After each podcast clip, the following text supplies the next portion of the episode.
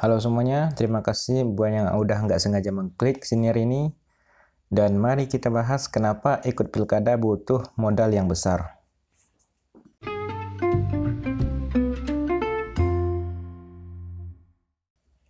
Sudah menjadi rahasia umum ya, kalau biaya politik yang dikeluarkan untuk maju sebagai kepala daerah melalui pilkada langsung itu sangat besar. Biaya politik yang dikeluarkan oleh calon salah satunya demi mendapatkan kendaraan politik dari partai politik dan itu biayanya sangat mahal sekali. Bahkan Menteri Dalam Negeri kita Tito Karnavian pernah bilang, Bupati, kalau nggak punya 30M, nggak akan berani. Wali kota dan gubernur lebih tinggi lagi. Kalau ada yang bilang nggak bayar 0%, saya mau ketemu orangnya. Kebayang dong uang segitu banyak 30M ah, cuman bisa dibikin jadi bupati. Itu kalau orang biasa mikir 30M itu kayak udah jadi dewa aja merasanya kalau orang biasa dapat 30M ini cuman jadi bupati ternyata 30M. Dan biasanya ya biaya politik yang bermiliaran itu bahkan ada yang triliunan ya itu bukan dari kantong paslon itu sendiri.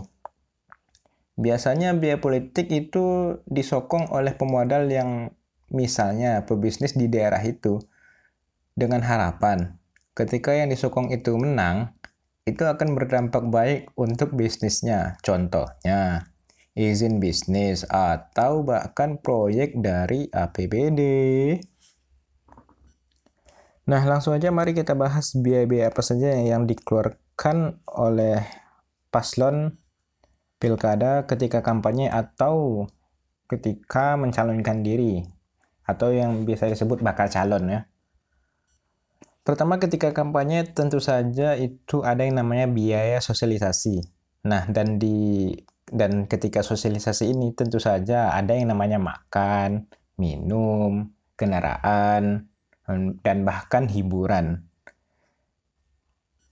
Bahkan ya, satu kali untuk satu kali melakukan sosialisasi itu bisa menghabiskan puluhan bahkan sampai ratusan juta.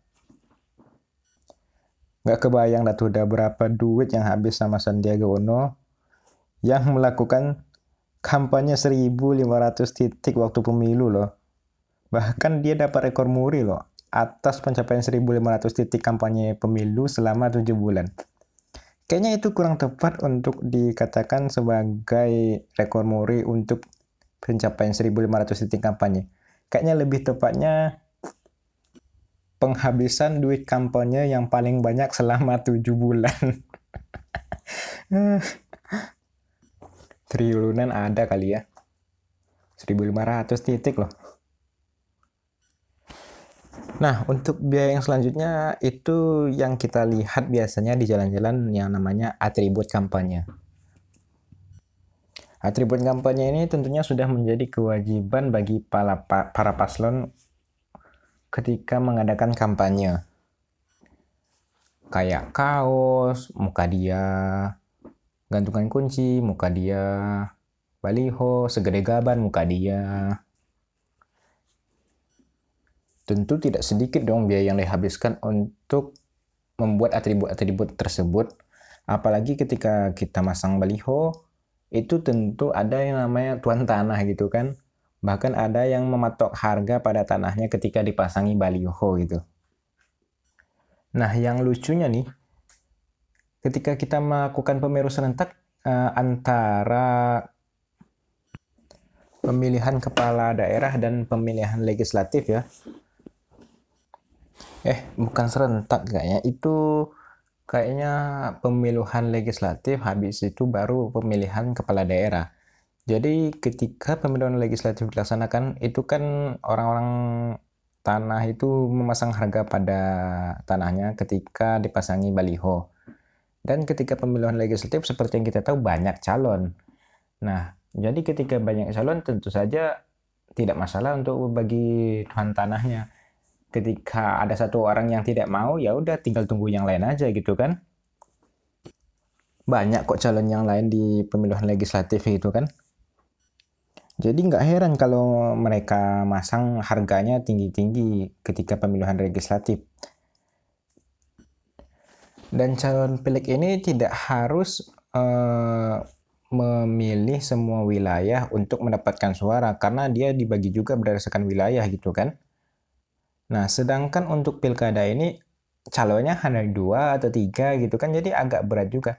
Nah, masalahnya nih masyarakatnya itu tidak tahu bahwa setelah pileg itu ternyata pilkada yang mana pilkada itu calonnya cuma dua. Jadi kalau dia nggak dapat yang uh, harga yang pertama dia berpikir akan dapat uh, orang yang kedua menawarkan harga. Apa yang enggak karena harga itu terlalu tinggi karena seperti yang kita tahu kalau pilkada itu harus memasang balihonya itu di mana-mana karena dia cuma berdua dan dia itu untuk daerah itu kan untuk semua daerah yang memilih dia. Sedangkan untuk pileg itu sendiri itu dibagi-bagi. Tentu itu agak memberatkan si calon pilkadanya. Karena ketika harga pasang tinggi seperti itu ditawarkan merata di semua daerah ya tentu dia nggak mau nggak ada pilihan kecuali pindah ke daerah lain yang lebih murah gitu kan. Jadi teman-teman yang ketika rumahnya biasanya dipasangi baliho mohon diperhatikan dulu itu sedang pilkada atau pileg. Tolong diperhatikan dulu kalau pileg silahkan naikkan harganya karena calonnya banyak. Nah, sedangkan untuk Nah, sedangkan untuk pilkada itu calonnya hanya dua atau tiga dan yang milih harus semua wilayah gitu kan. Sedangkan untuk pilih kan yang milih tergantung wilayah, nggak semua wilayah juga. Kalau pilih pasang harga tinggi, kalau pilkada silahkan pasang harga rendah, biar tetap dapat duit, pinter dong. Walaupun nggak suka politik, walaupun nggak suka politik tapi ngerti lah politik biar dapat duit gitu kan dari politik nah untuk biaya selanjutnya itu ada gaji tim sesnya. Tentu saja ketika orang ingin maju ke pilkada tentu ada yang namanya tim ses. Dan tidak semua orang tim ses itu hanya ingin dibayar gorengan dan hanya dibayar kaos atau nasi kotak yang enggak lah orang itu juga kerja ya orang itu juga mau duit. Ada beberapa orang yang mencari duit juga di momen-momen pilkada seperti itu. Bahkan banyak orang yang menggantungkan dirinya dari pemilihan umum. Bahkan ada yang mahasiswa di Jogja itu kerjanya masang baliho aja. Dia mahasiswa tapi dia cukup akrab kayaknya dengan orang-orang Patai dan dan dia itu biasanya itu masang baliho di Jogja dan satu baliho itu kayaknya kalau nggak salah 10.000 atau 20.000 gitu. Itu satu baliho dan tidak baliho besar, baliho kecil aja. Itu dia pasang secara acak 10.000, 10.000, 10.000 kan lumayan gitu kan. Buat nambah hidup, ya kan? Apalagi anak kuliahan itu bagus banget buat mata pencarian. Nah, untuk biaya selanjutnya ada biaya kalau-kalau serangan fajar. Tidak usahlah kita pungkiri, memang ada yang namanya serangan fajar. Bahkan ada beberapa warga yang menempel di rumahnya menerima serangan fajar. Itu kayak udah menerima pesanan makanan padang aja. kayak menerima pesanan nikahan, hitanan, tapi ini uh, dalam konteks pemilihan umum gitu kan menerima serangan fajar. welcoming kali ya. Nah, untuk selanjutnya mari kita bahas biaya-biaya yang dikeluarkan ketika kita bakal calon pilkada. Nah, ketika kita ingin mengajukan diri untuk jadi calon pilkada, tentu itu melewati beberapa tes untuk uh, agar orang-orang yang sembarangan yang pengen maju itu bisa tersaring gitu kan. Nah, ada dua jalur untuk ketika uh, ada dua jalur yang bisa kita lalui ketika kita ingin maju ke pilkada. Yang pertama itu ada jalur jalur eh, parpol dan jalur independen. Nah, untuk jalur partai politik sendiri itu tentu kita harus berhubungan dengan partai politiknya itu. Nah, terus berapa sih biaya yang dikeluarkan? Oh, besar kali. Untuk kita bisa maju di pemilu pilkada itu, kita harus mendapatkan 20% threshold dari DPRD di daerah itu sendiri. Jadi misalnya nih, di suatu kabupaten, di DPRD-nya itu ada 100 kursi. Nah, untuk kita bisa maju sebagai pilkada, itu kita harus bisa mendapatkan dukungan dari 20 kursi di DPRD itu sendiri.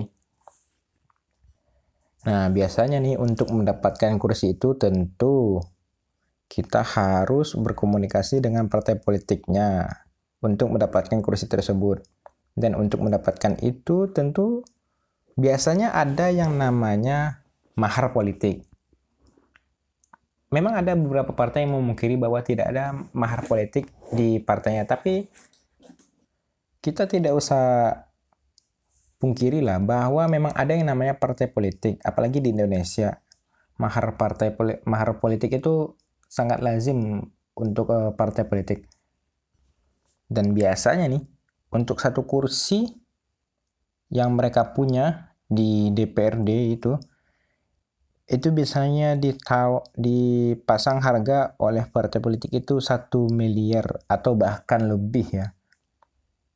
Jadi kalau ada 100 kursi di DPRD dan kita harus mendapatkan 20% yang artinya kita harus dapat 20 kursi, itu berarti kita harus punya uang lebih dari 20 M.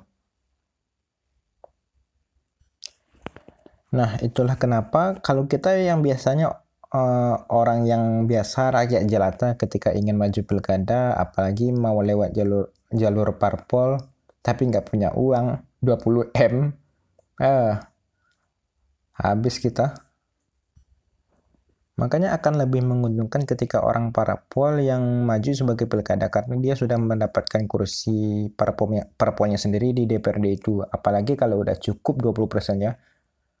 Kayak umpamanya ketika ada seorang calon maju dari Golkar. Sedangkan di Golkar itu sendiri sudah sampai 25% memiliki kursi di DPRD itu artinya tidak usah mengeluarkan uang yang, yang lebih banyak lagi kan untuk mendapatkan kursi dukungan. Karena di DPRD sendiri parpolnya itu udah sampai di uh, thresholdnya itu sendiri. Nah untuk selanjutnya ya itu jalur independen. Nah, untuk jalur independen tuh emangnya biaya apa aja sih yang keluar? Emang sampai miliaran? Sampai, sampai banget miliaran. Apalagi kalau di ranahnya gubernur ya. 10 M bisa kali mungkin. Mungkin ya.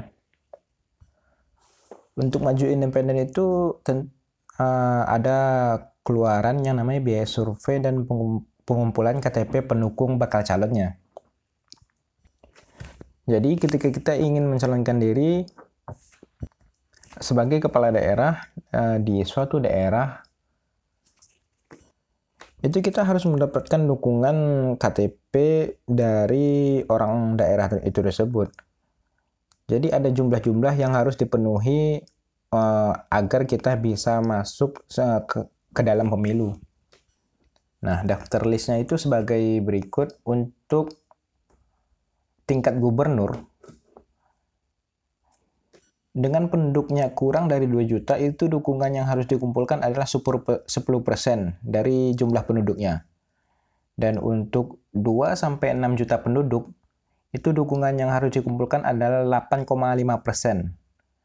Dan untuk 6 sampai 12 juta penduduk itu dukungan yang harus dikumpulkan adalah 7,5%. Dan untuk lebih dari 12 juta, itu dukungan yang harus dikumpulkan adalah 6,5 persen. Itu berarti kalau diakumulasikan rata-rata yang harus yang harus dikumpulkan itu ada sekitar ratusan lebih ratusan lebih KTP yang harus dikumpulkan untuk bisa maju sebagai kepala daerah, sebagai calon kepala daerah di tingkat gubernur. Dan untuk di tingkat bupati atau wali kota, untuk penduduk yang kurang dari 250 ribu itu dukungan yang harus dikumpulkan adalah 10%. Dan untuk 250 sampai 500 ribu penduduk itu dukungannya harus dia kumpulkan 8,5 persen.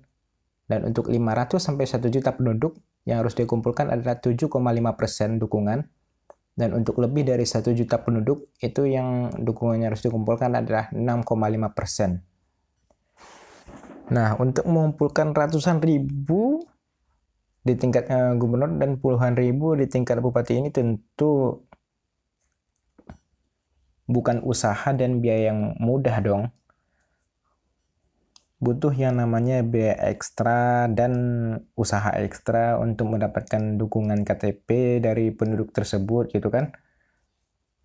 Makanya ketika ingin maju uh, jalur independen itu lebih mudah di daerah-daerah kecil kayak daerah-daerah yang masih asri desa-desa gitu kan ketimbang uh, perkotaan yang lebih maju gitu yang perpindahan orangnya itu terhadap pekerjaan maupun tempat tinggalnya itu cepat. Nah, kenapa begitu? Karena ketika kita mendapatkan KTP orang itu untuk uh, dukungan sebagai uh, maju sebagai calon pilkada, itu tidak berhenti sampai di situ. Masalah yang biasanya terjadi ketika kita maju sebagai independen itu yaitu di verifikasi, faktual namanya.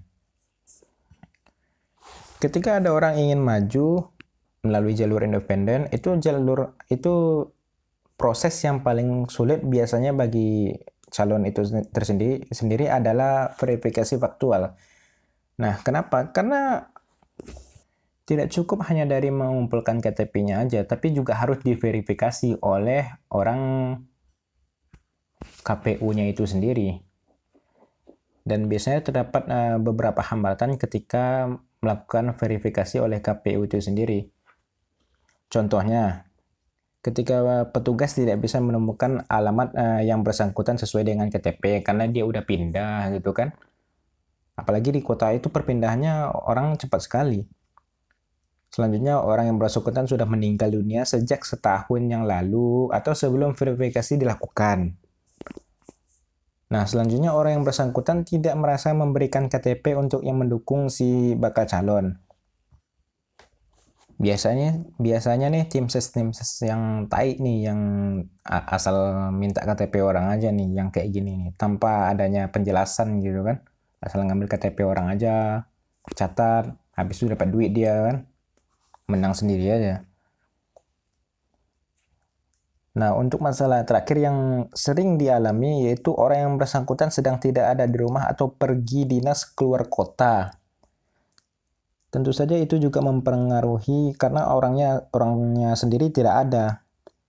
Jadi tidak bisa disetujui oleh KPU-nya itu sendiri ketika diverifikasi. Misalnya nih, ada lima pemilih dalam satu rumah. Dan eh, ketika diverifikasi, tiga tiga orang ada di rumah ada di rumah tapi duanya lagi nggak ada ya udah yang duanya lagi itu dicoret akhirnya eh, jadi kayak mana ya terpaksa si calon calon kepala daerah harus mencari lagi si bakal calon itu harus mencari lagi orang lain untuk menggantikan dua orang yang dicoret itu tersebut dan bahkan ya katanya kalau nggak salah ketika ada satu orang yang dicoret itu harus diganti dengan empat orang Katanya kalau nggak salah. Dan pasti masih banyak lagi lah biaya-biaya maju untuk pilkada yang tidak saya ketahui. Dan dari yang saya sebut-sebutkan tadi saja itu sudah banyak banget. Triliunan bisa kali sampai itu. Nggak salah juga bahwa Mendagri kita bilang 30 M untuk maju sebagai wali kota itu. Emang bener, kenyataan itu mah. Tingginya biaya politik yang dikeluarkan ini pula lah yang salah satunya menjadi alasan kenapa banyak pejabat-pejabat kita yang korupsi. Karena yang dikeluarkan banyak sekali. Tentu untuk yang digantikan harus ada dong. Bahkan kayaknya kalau dihitung gajinya selama lima tahun dibandingkan dengan biayanya yang maju sebagai pilkada itu kayaknya lebih besar biayanya dia maju deh daripada gajinya. Tapi banyak juga ya orang gila yang berebutan akan hal itu. Dari situ kita bisa tahu bahwa orang ini bukan mengincar gajinya, orang ini mengincar kekuasaan. Orang ini mengincar, mengincar koneksi-koneksi yang bisa didapatkan dari posisi itu. Nggak mungkin orang ini hanya mengincar gajinya. Nggak sebanding sama yang dikeluarkan, men. Segitu aja dulu untuk kali ini. Terima kasih buat yang udah mendengarin sampai akhir. Ciao.